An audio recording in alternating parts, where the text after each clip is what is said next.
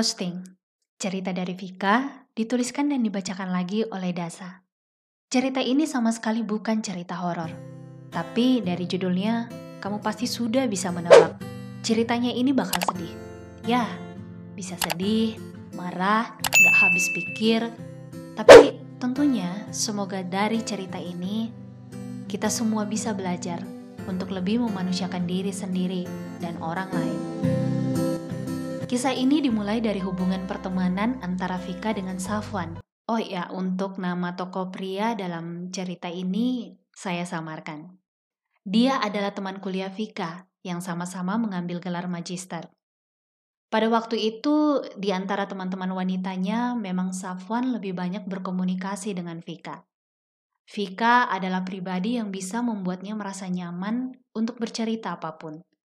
Sepertinya perasaan itu terus berkembang, tapi Safwan masih tetap lebih memilih untuk menjaga hubungan mereka hanya sebatas pertemanan saja. Yah, meskipun terasa nyaman, tapi cukup sampai sebatas demen aja lah.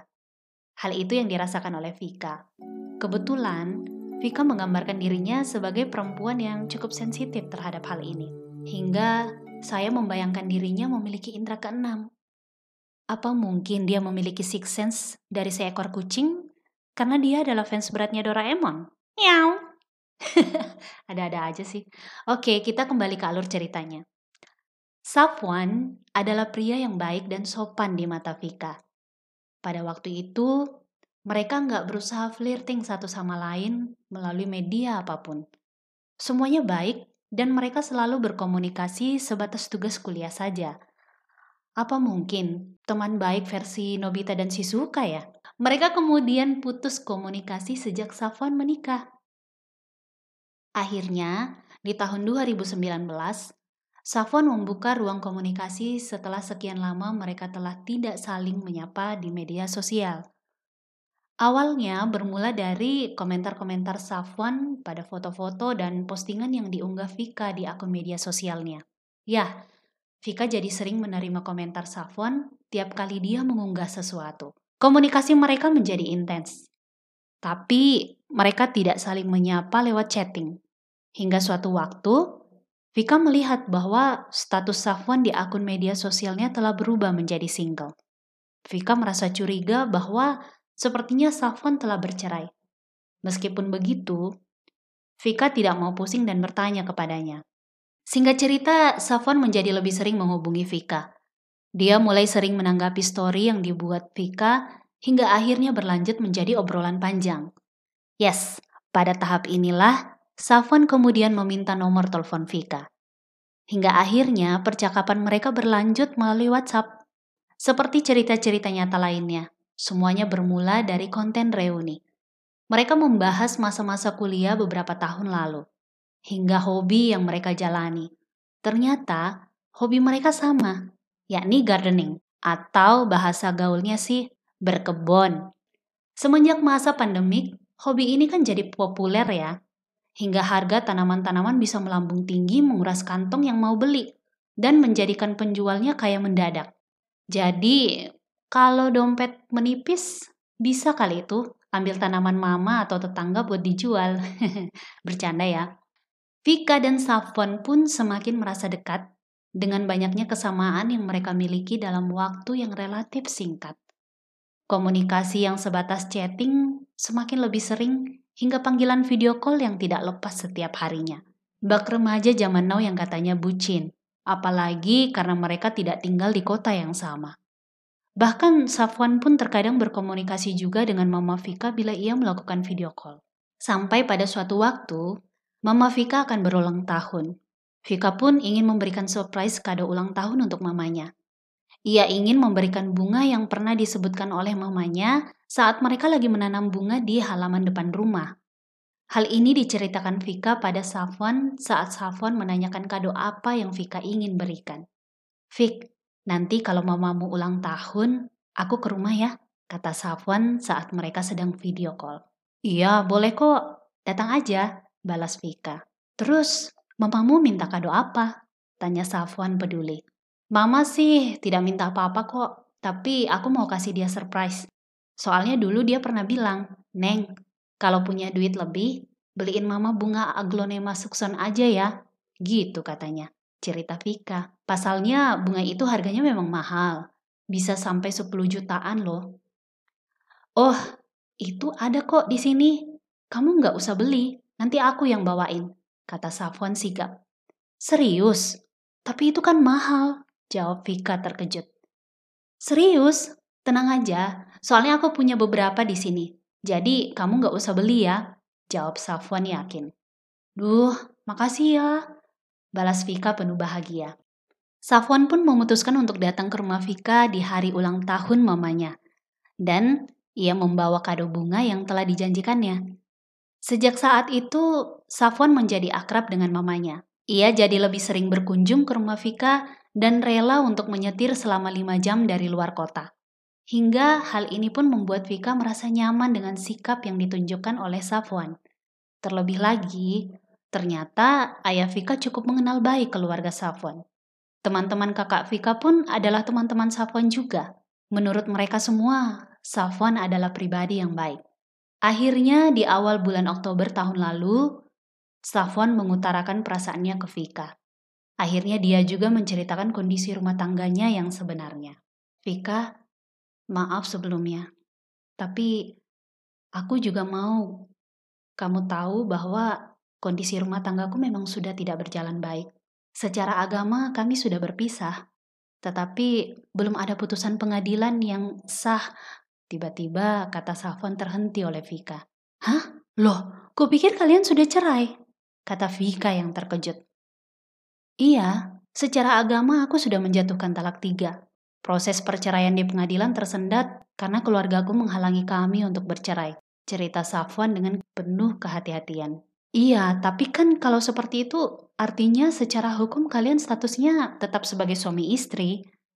Jadi kalau kita jalan bersama nggak enak juga di kamunya pasti. Jawab Vika terdengar kecewa. Enggak sih, aku nggak masalah kok. Secara agama pernikahan kami kan sudah jatuh talak. Hanya saja administrasi untuk perceraian sedikit tersendat.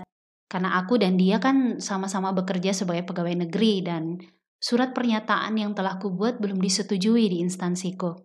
Jelas Safwan panjang lebar. Iya, aku paham. Hanya saja ini nggak seperti yang aku harapkan gitu loh. Salahnya kita nggak bahas ini dari awal. Aku pikir kalian sudah bercerai. Lalu sampai kapan status kalian ditahan seperti ini terus? Balas Vika. Vik, sejak kita bertemu, Aku sadar bahwa aku harus mendesak agar proses penyelesaian semuanya segera berjalan lagi. Aku serius sama kamu, Vic. Jadi gimana? Tanya Safwan melanjutkan. Ya sudah kalau begitu, selesaikan saja semuanya segera. Jawab Vika. Waktu berjalan dan hubungan mereka pun semakin dekat. Panggilan yang hanya sebatas nama itu pun telah berubah menjadi kata sayang. Lalu, Vika memutuskan untuk mengunjungi Safwan. Kunjungan itu tentu membuat Vika merasa semakin mengenal Safwan. Namun, empat hari setelah kunjungan itu, pelan-pelan hubungan mereka mulai berubah. Safwan yang biasanya melakukan video call, akhirnya hanya mengirimkan pesan dan foto kegiatan kantornya. Pelan-pelan, pesan yang dikirimkan Vika pun sangat lama dibalasnya. Vika mulai bertanya-tanya, apakah ada yang salah? Safwan bisa mengganti storynya tapi tidak segera membalas pesan Vika karena alasan sibuk. Akhirnya Vika memutuskan untuk mengunjungi Safwan lagi karena kebetulan ada acara reuni SMA yang diadakan di sana. Ia pun mengirimkan pesan kepada Safwan untuk mengabarkan bahwa ia akan berkunjung di hari Sabtu dan menanyakan oleh-oleh apa yang diinginkan Safwan. Safwan pun membalas bahwa ia ingin dibawakan makanan kesukaannya. Pagi hari, entah kenapa, Vika merasa tidak begitu bersemangat. Dalam hati, ia merasakan sepertinya hari itu tidak begitu bersahabat dengannya. Tapi, dia tetap memutuskan untuk berangkat karena ingin bertemu dengan Safwan. Sesampainya di sana, ternyata hotel tempat acara reuni berlangsung itu terletak tepat di sebelah rumah Safwan. Yang awalnya Vika ingin memberikan kejutan, malah dia yang jadi terkejut. Dia mencoba menghubungi Safwan, tetapi teleponnya tidak kunjung dijawab. Akhirnya di sore hari, Safwan membalas pesan Vika dan mengatakan bahwa dia harus berangkat keluar kota sebentar karena ada barang yang harus diantarkan. Bagi Vika jelas sudah bahwa Safwan sepertinya mencoba menghindarinya. Vika kembali mengirimkan pesan dan menanyakan ada apa. Mengapa Safwan sepertinya menghindar untuk bertemu? Namun, justru Safwan tidak lagi memberikan jawaban. Hari itu, Vika kembali dalam kebingungan tanpa bertemu Safwan. Oleh-oleh yang dia bawa pun dititipkannya saja kepada orang yang ada di rumah Safwan. Perasaannya sedih dan penuh tanya, apa yang terjadi? Kenapa? Pertanyaan yang tidak memperoleh jawaban. Sejak saat itu, Safwan menghilang dari kehidupan Vika tanpa satu kata pun. Vika berpikir bahwa bila sampai akhir tahun Safwan tidak juga menghubunginya lagi, maka itulah jawaban dari akhir hubungan mereka. Ternyata, hingga memasuki tahun yang baru di 2021, Safwan memang tidak kunjung menghubunginya. Hanya luka yang terbebat di hati Vika atas kisah yang tak pernah diakhiri dengan baik. Di minggu pertama bulan Januari 2021, teman-teman Vika mengajaknya untuk melakukan perjalanan keluar kota sebelum mereka kembali bekerja. Lalu terlintas ide yang ingin diwujudkannya saat melihat pot kayu bergambar kartun Doraemon di sudut kamarnya. Pot itu diberikan oleh Safwan sebagai awal hubungan mereka. Vika meminta kepada teman-temannya agar rute perjalanan mereka diubah ke kota tempat Safwan. Ia berencana untuk mengembalikan pot tersebut. Ia ingin mengakhiri semuanya dengan jelas. Ia berpikir setidaknya hubungan mereka tetap bisa sebagai teman bila mereka tidak berjodoh sebagai pasangan. Karena memang awalnya mereka berteman baik. Teman-teman Vika setuju untuk menemaninya mampir sebentar di rumah Safwan untuk mengembalikan pot tersebut. Saat mereka tiba, Safwan juga sedang berada di rumah. Safwan pun begitu kaget melihat Vika yang telah berbulan-bulan tidak dilihatnya. Hah? Vika? Kok kamu ada di sini? Sama siapa? Tanya Safwan begitu terkejut saat melihat Vika berdiri depan rumahnya. Ia pun mempersilahkan Vika untuk masuk. Sementara teman-teman Vika memutuskan untuk tetap menunggu di mobil saja. Iya, saya sama teman-teman. Kebetulan lagi ke sini jadi sekalian mampir. Jawab Vika ramah dan terlihat begitu tegar. Mereka berdua mengobrol begitu akrab. Hingga akhirnya Safwan menceritakan bahwa proses perceraiannya sedang bergulir di pengadilan. Vika hanya diam menjadi pendengar. Tak terasa, waktu berlalu dan Vika pun pamit, mengingat teman-temannya yang sedang menunggu di mobil. Kemudian mereka berjalan beriringan keluar pagar. Oh ya, sebenarnya ada apa dengan kita? What's wrong? Udah gak mau? Kata Vika sambil mencoba bercanda dan melihat tepat ke Safwan yang berada di sebelahnya. Uh, uh, itu um, um, saya eh aku pikir sepertinya semuanya terlalu cepat. Jawab Safwan terbata-bata dan cukup singkat. Terlalu cepat apanya? Balas Vika tetap bercanda. Ya semuanya. A aku merasa banyak yang harus aku benahi dulu. Aku juga harus mengurus kafeku, jawabnya sedikit kebingungan. Ya, mungkin memang terlalu cepat, tapi harusnya tetap harus dibicarakan dong. Tidak dengan menghilang seperti itu. Dulu katanya harus gentle. Kok gini? Saya ke sini bukan untuk marah atau ingin agar hubungan kita kembali seperti sebelumnya. Tapi karena kita kan awalnya berteman baik. Jadi, jangan karena ini kita menjadi lost contact. Balas Vika tenang dan tegar. Tak terlihat sama sekali bahwa ia emosi atau ingin menangis. Iya, saya memang salah. Maafkan saya ya, Fik. Balasnya lagi pada Vika dengan nada penyesalan. Lalu Safwan pun memeluk Vika. Bagi Vika, itu seperti pelukan perpisahan. Sangat menyakitkan baginya. Ia pun bergegas mengambil pot bunga yang ada di bagasi mobil, lalu menghampiri Safwan yang masih berdiri di pagar rumahnya. Ini potnya saya kembalikan ya, kata Vika sambil menyodorkan pot kayu yang berada di tangannya. Lo kok dibalikin, Vika? Simpan saja, balas Safwan yang menolak menerima pot itu. Ah, enggak. Pot ini kan sebagai tanda awal kamu deketin saya. Jadi gue pikir tidak perlu kusimpan lagi, jelas Vika. Enggak, enggak. Kamu simpan aja lah. Itu kan buat kamu. Tolak Safwan lagi merasa bersalah. Ah, enggak. Kamu ajalah yang simpan. Mungkin bisa jadi kenangan kata Vika tersenyum tegar.